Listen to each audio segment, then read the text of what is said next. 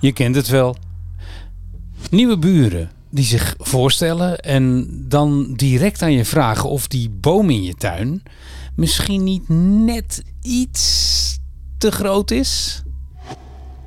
Er langs de lijn bij het voetbalveld net iemand naast je staat die vloekend en tierend zijn kind van zes aanmoedigt.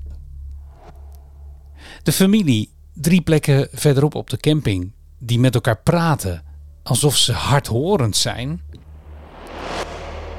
Je buurvrouw die voor de zesde keer aan een dieet is begonnen, maar bij de koffie de slagroom op de appeltaart toch maar niet overslaat.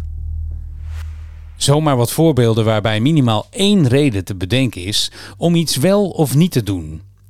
In 100 redenen hoor je situaties die aanleiding kunnen zijn tot een reden om dus iets wel of niet te doen, om of er iets van te vinden.